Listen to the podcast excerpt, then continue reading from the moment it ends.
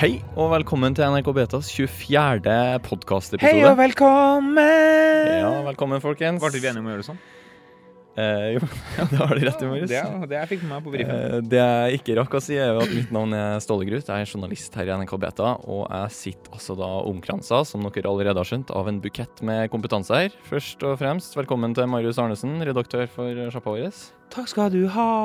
Skal alt være syngende? Eh, Neida, ja, det er musically-delen. Takk, Vi takk, kommer til den etter hvert. Takk, La La Land. Velkommen til deg, Henrik Lid. Takk for Syng, det. Henrik. Syng du, Henrik. Ja, bra. Ja, ikke sant? Henrik eh, og Marius her eh, var begge relativt nybakte fedre i fjor, eh, da jeg alene styrte NRK Betas-gutta i Texas. Men i år så var vi alle sammen på Løsrevet. South by Southwest-konferansen. Fordi på denne konferansen så samles altså teknologi-, musikk- og filmbransjen, og det er en slags potpurri av digitalkultur hvor vi får et innblikk i hvordan en lang rekke teknologier påvirker hverandre og ulike deler av samfunnet. En musikkjournalist i NPR mener at konferansen har blitt litt for stor, at det er, for mye, at det er mer kø enn show. Og Ars Technica mener at det er stadig like herlig og weird, akkurat som slagordet til Austin av byen hvor det hele blir arrangert. Eh, Det blir eh, nok flere episoder om det her. Vi skal bl.a. snakke litt om mediebransjen og falske nyheter og sånn på en måte som vi håper er nyttig for deg som er interessert i emnet, og for deg som begynner å bli helt sjukt lei av det. Men i dag, gutta, skal vi ta et dypdykk i teknologien. Virtuell virkelighet, kunstig intelligens, DNA stemmestyring, for å nevne noen ting. Velkommen til NRK Betas podkast.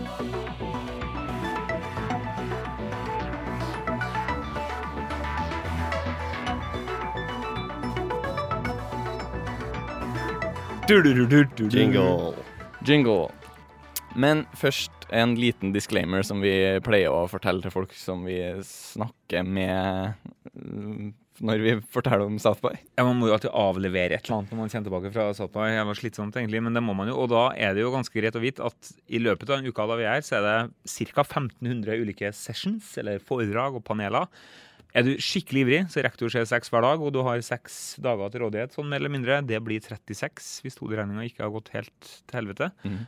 Det er veldig veldig få eh, av eh, 1500. sånn at det er utrolig mye vi ikke har sett. Det vi har sett, er vel Vi har spredt oss litt rundt. Så har sett Ja, vi har, flere sett, vi har sett mer enn eh, enn de 36 sesjonene, Ja, vi La oss si at vi har sett 100, da. Mm. Fortsatt 1400 vi ikke har sett. Ikke Ja. sant? Så det er mye vi ikke får med oss, men likevel så er det her et forsøk på å oppsummere de store trendene og de litt sånn store bevegelsene som foregår. For selv om det er 1500 sesjoner, så er det jo et knippe med store tematikker som i all hovedsak blir diskutert.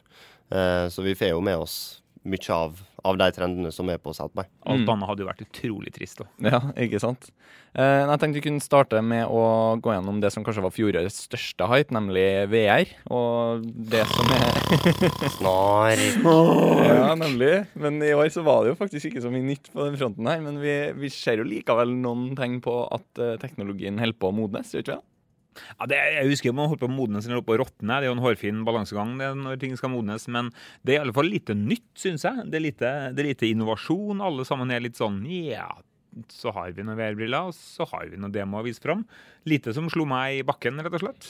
Veldig litt nytt innholdsproduksjon, eller litt på en måte innovasjon i innholdsproduksjonen, iallfall. Det er Ja. liksom litt samme gamle lekser som gjentas på nytt. For i fjor så rei jo alle på den her wow-faktor-bølgen, eh, følte jeg i hvert fall. Det var enkelt å blåse folk i bakken, men i år så er det litt sånn, da må du vise hva er egentlig materien du har å komme med her. Du må ha litt mer kjøtt på beina, og det er jo litt krevende.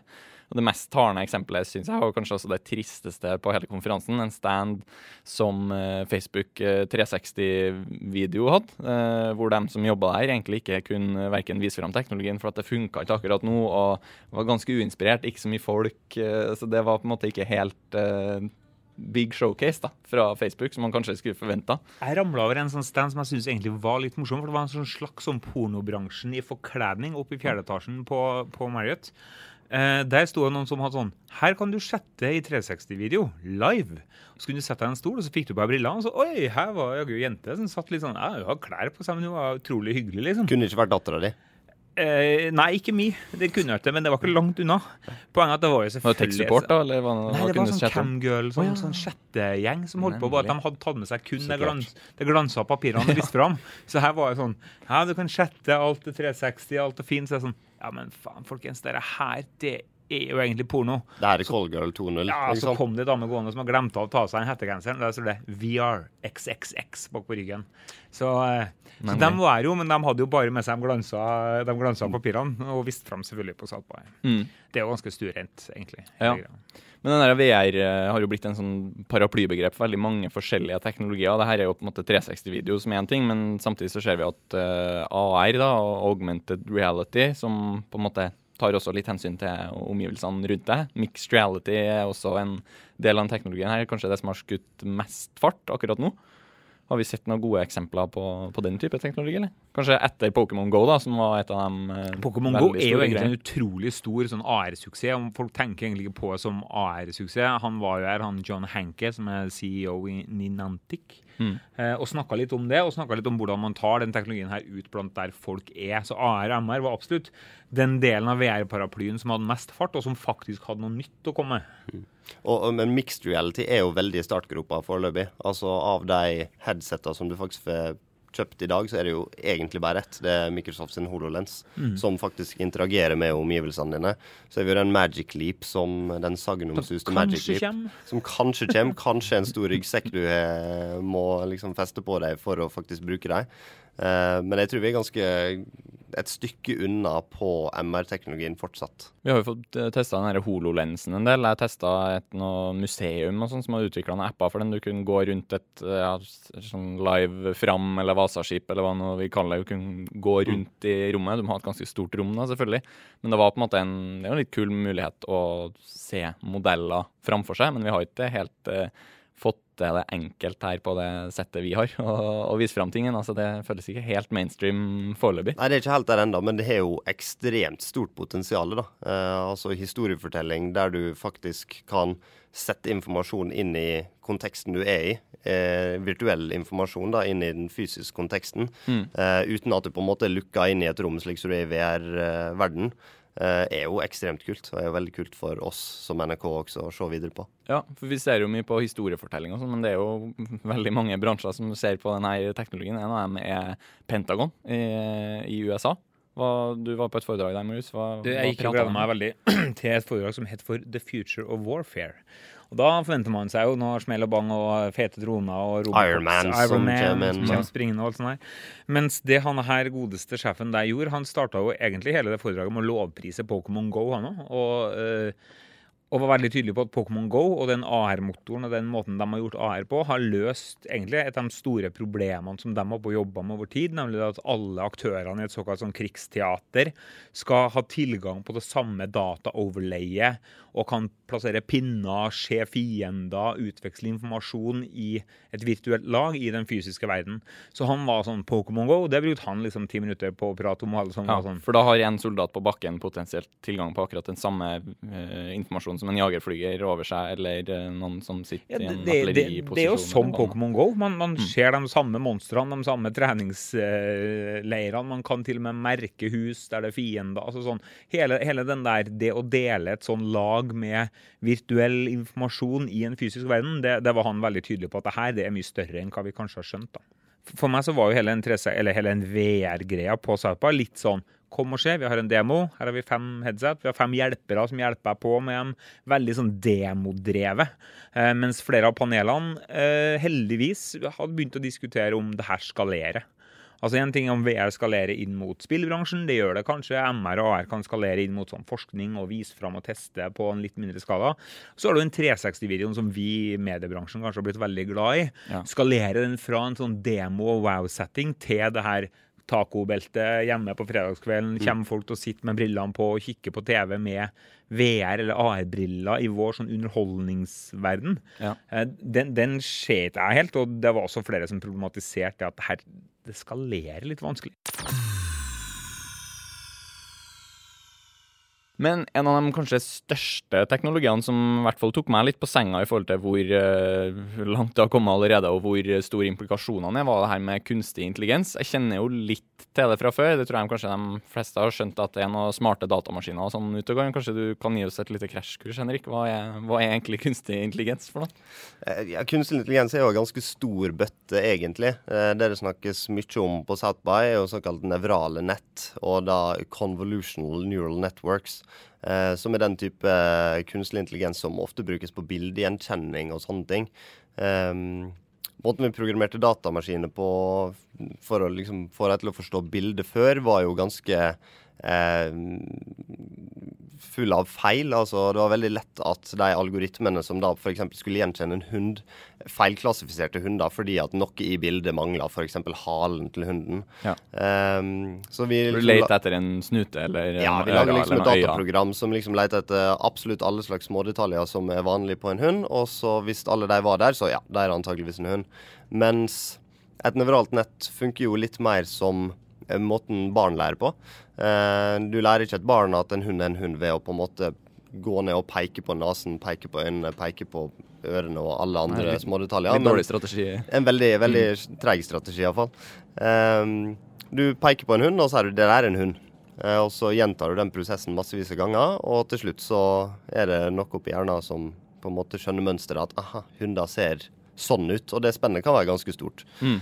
Um, og et nevralt nett lærer du opp litt på samme måten. Eh, du mater den ikke med fire bilder av en hund, men gjerne da 15 000 bilder av en hund. Og sa at sånn ser en hund ut. Så gjør du f.eks. det samme med katter. Mater inn 15 000 bilder av katter også og sier at dette her er en katt. Og til slutt så klarer datamaskinen da å kjenne forskjellen mellom katter og hunder veldig, veldig godt. Eh, Mm. Klarer det i mange tilfeller bedre enn mennesker. Vi har sett, eh, vi har sett noen eksempler på bildegjenkjenning. er noe vi åpenbart jobber med, vi som er i, i mediebransjen. Der har også ting gått ganske raskt fra, fra bare noen få år tilbake, hvor Google var det vel, som leverte et API som du kunne sende inn et bilde og så få tilbake her er et par ting som vi har funnet i bildet, om det er en, by, en sykkel eller en uh, bil, på en måte. Mm. Ja, De har jo også et ImageNet, som er deres nevrale nettverk for å på en måte klassifisere ting i bildet. Eh, så har jo Google heldigvis en sånn veldig fin tradisjon med å open source veldig mye av det, det de gjør, og alt av sånn forskningspapir og sånt så de lager, det legger det ut tilgjengelig på nett. Og da er det jo store forskningsmiljøer som tar tak i eh, den teknologien og de teoriene, og på en måte forbedrer dem. Så for et par år siden, eller var det i fjor, så kom det noe som heter yolo. Eh, You only live once. You only Nei. live once. Nei, Nei. tenker på Bond-filmen. Ja, jeg tenker på, Bond. You only look You only once. look once. Yes, her, det er ordspill. Stemmer. Jeg kom med et system for noen år siden som heter Yolo, You Only Look Once.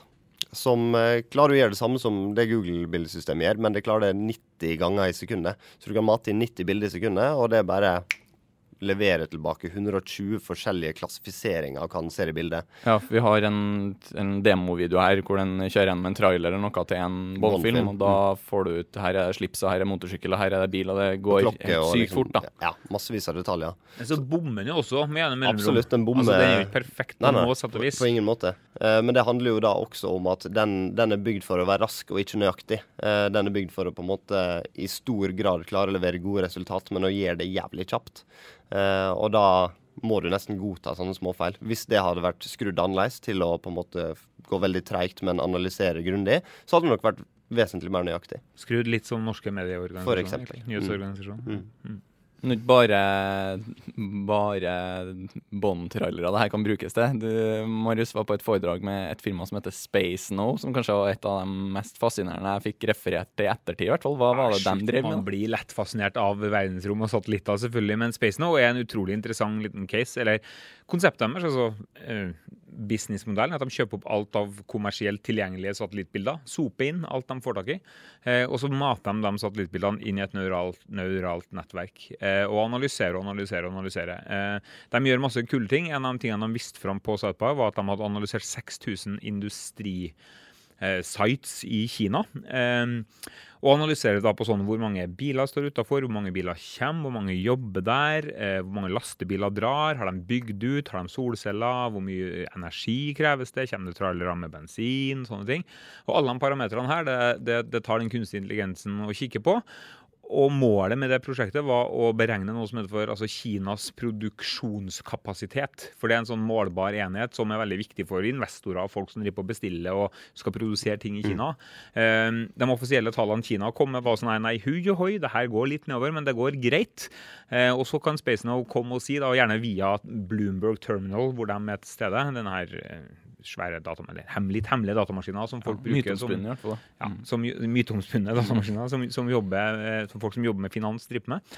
Eh, der kunne SpaceNow si at nei, men våre beregninger, basert kun på satellittbilder som er sånn, tatt over Kina, viser at det går ikke så bra med Kina som de sier. Produksjonskapasiteten og hastigheten er lavere. Og når alle fasitsvarene som kommer på bordet, så viser det seg at de ligger jo helt, helt, helt kliss inntil den virkelige kurven eh, med sine beregninger basert på, på satellittbilder. Og det, Sånne ting er fascinerende. Også et eksempel fra Afrika, hvor de beregner BNP i ulike land basert på hvor mye lysene vokser, altså hvor mange mm. får bygd ut elektrisitet, eh, og treffer klokkereint på BNP-vekst i, i, land som ikke er så gode til å oppgi det i, på det afrikanske kontinentet. Så det brukes jo til veldig mye kult. og En annen ting som det brukes til, er jo um, eh, føflekkreft. Noen forskere ved Stanford som, som kom på at ja, men vi katalogiserer jo absolutt alle bilder vi har tatt av potensiell eh, føflekkreft. Og vi har det i et arkiv, eh, så hvorfor ikke bare prøve å trene opp et nevralt nettverk på å gjenkjenne hva som er faktisk føflekkreft og ikke. Så da mater de inn en 20 000 bilder i et eh, sant nevralt nett. Eh, og med på en måte bilde og klassifisering er dette her kreft eller ikke. Mm. Uh, og til slutt, når det på en måte var trent og alt var fint, så tok de bare et kamera bort til en ny pasient, snappa et bilde, og så kjørte de inn nevrale nettet, og det klarte å klassifisere den type bilde bedre enn mennesket. Så når de da tok to hudleger inn i et testrom, hadde da opparbeidet seg et ganske stort tilleggstest-case uh, liksom, å teste på, så uh, klarte datamaskinen i mye større grad å klassifisere bilder av hudkreft eller ikke bedre enn mennesker. da. Men nei, med selvkjørende biler og sånn er vel noe som var populært i fjor, og for så vidt populært i år òg. Er noe nytt på den fronten å melde? Bortsett fra at Uber klarte å velte sin selvkjørende bil underveis. Det skjedde vel når vi var i Texas, i hvert fall, men det var ikke uh, mer relatert enn det.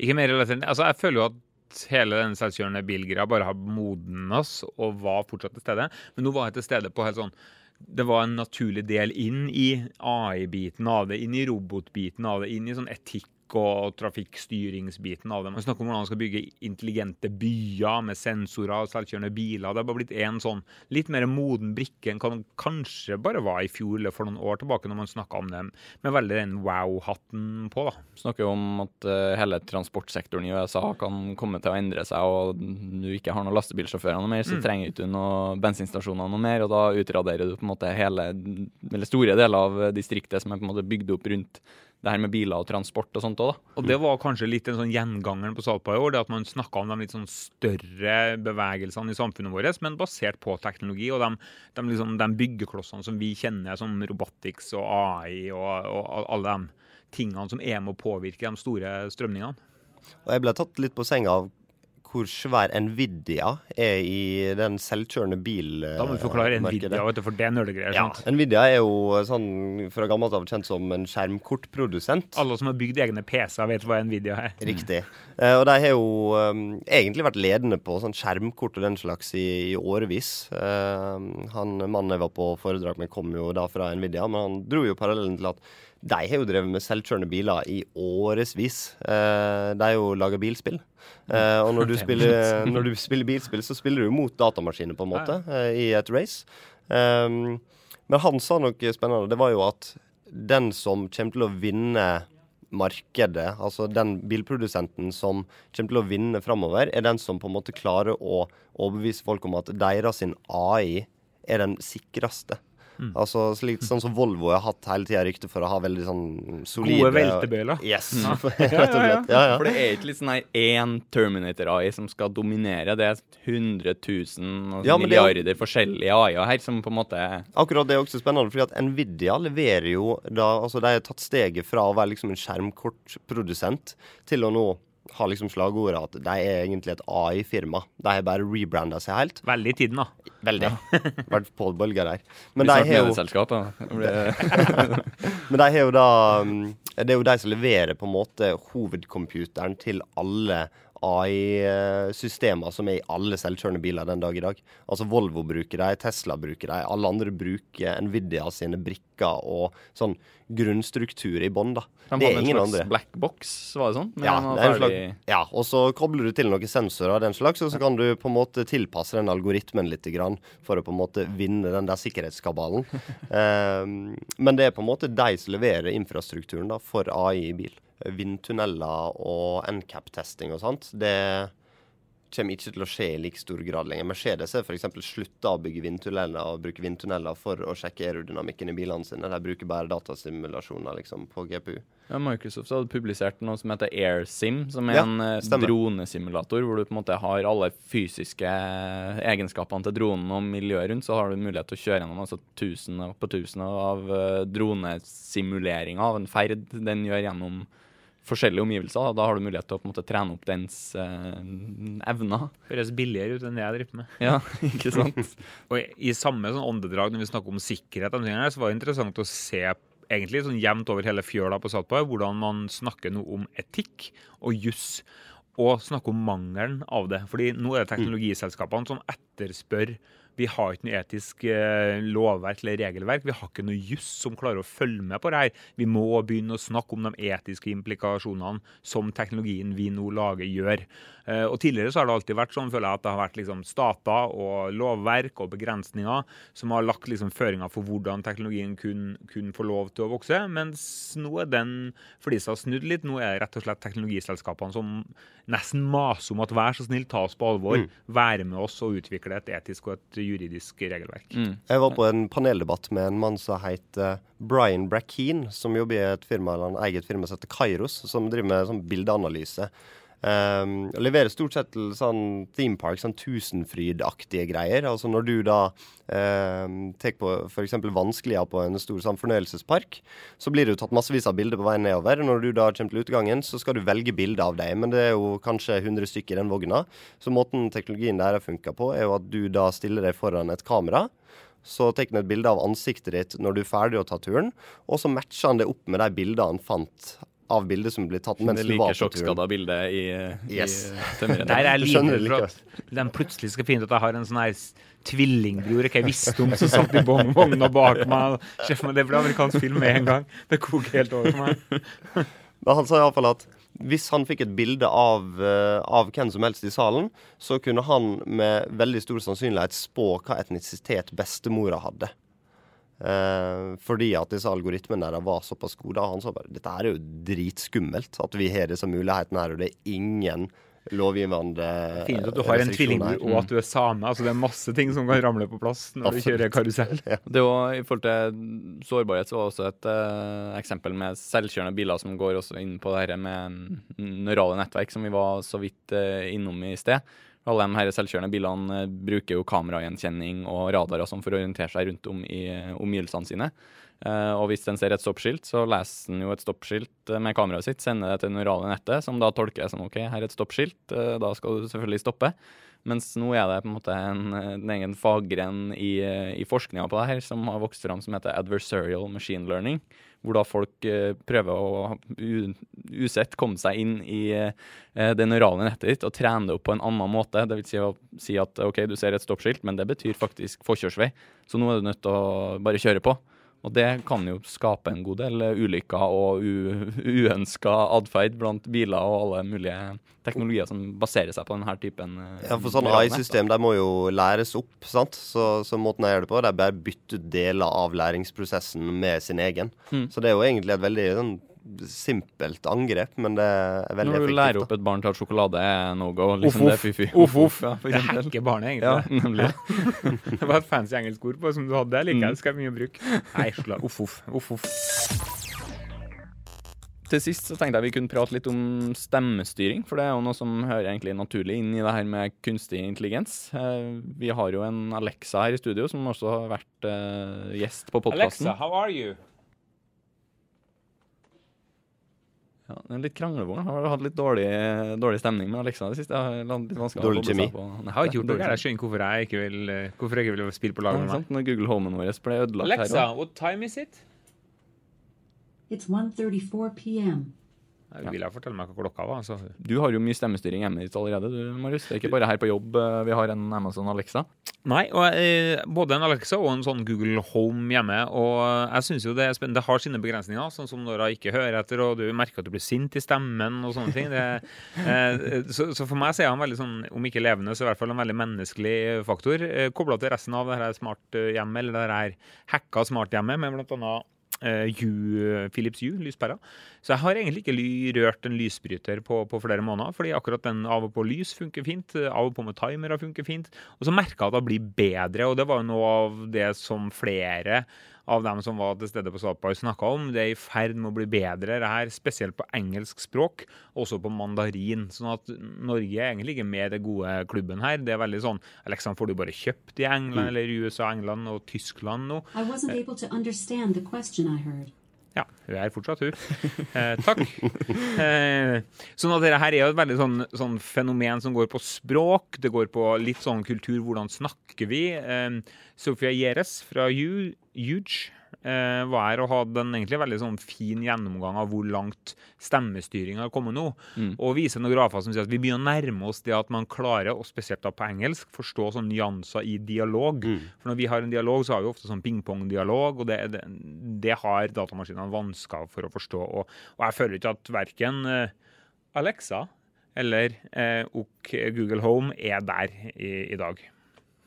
Mm. Ja, men hun, Gjeres var veldig, veldig flink. Hun snakka også om det her med at vi mennesker er på en måte bygd for å snakke, og at det her er, vil da være en naturlig neste steg for teknologien. Også det at den type stemmeteknologi gir, gir veldig mening hjem hos folk. da. Mye pga. at du har et økosystem med en del smarte dingser som nødvendigvis ikke har skjermer, sånn som lyspærene dine eller kjøleskapet ditt eller høyttalere og sånt. Voice first devices. Ja, det har blitt en ny, en ny, greie nå. Ja. Fordi mobilen din er jo Ironisk nok så er jo hjemmet ditt eh, kanskje det stedet du er minst sannsynlig at du har mobilen med deg enhver tid, enten om den ligger til lading eller eh, ligger igjen i gangen. I tillegg så er det litt den kleinhetsfaktoren som forsvinner, at du slipper å prate med en uh, datamaskin ute blant folk. Mm. Men hjemme så er det på en måte litt safe. Her kan jeg, kan men, jeg gjøre litt men, som jeg vil. Det, det merker jeg veldig godt. Altså Får jeg besøk, så er jeg litt flauere å snakke til enn Alexan. Mm. Men hvis jeg er hjemme alene, så er det ikke noe problem. Da skravler du og skravler på hele kvelden? Har en øl og spør hva du skal ha. Nei, men, men, det er faktisk en viktig greie. Altså. Jeg tror kanskje det er litt av grunnen til at Siri aldri har liksom tatt av så mye som hun kanskje håpa på heller. Mm. Det er rart og det er fortsatt rart å prate med datamaskin. I det offentlige rom snakke med datamaskiner. Mm. Husker godt fra Google Glass. Fryktelig rart å skulle snakke til brillene sine. Eh, så det er en barriere der man ikke skal undervurdere. Da, og, det sa jo også Gjeres på Salpa, at hjemmet var egentlig det perfekte stedet for å, for å teste Voice First Devices. Ja. Og en fun fact. Uten Nvidia så hadde ingen av disse dingsene her eksistert. For det er Nvidia som også leverer de grafikkorta som alt det her går på. This podcast is sponsored by Nvidia. Nvidia. The only thing you need. Ja, det høres ut som du har kjøpt og sånn- betalt her nå. Fort sine andre skjermkort. AMD. Og så ja, er sikkert kjempebra. noen andre skjermkort. Herregud. Nei, folk kan tro det er fake news, og troverdigheten vår går i dass. Si noen andre skjermkort. Det her var NRK Betas eh, podkast, episode 24. Episode 24. Takk til syngende gjest eh, Marius Arnesen og Henrik Lid. Henrik Lid. Han synger veldig svakt. Han synger litt svakt, men det er den her kleinhetsfaktoren. Ja, som kleinhetsfaktoren som snakker med Alexa. Synger i offentlig rom. Alexa, sing me a song. A song? Let me push this shiny button on my drum machine. Oh, I like that. Your circuits are fused. You're nei. Nei, nei, nei, nei, nei.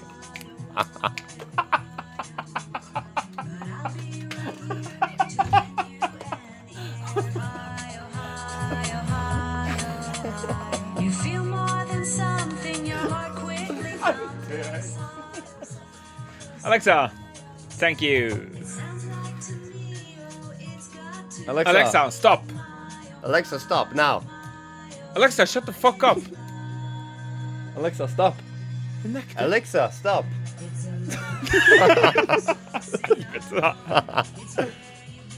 Alexa, stop. Uh, der trodde jeg Takk for oss. Alt uimprovisert. Jeg trodde jeg måtte ta det over.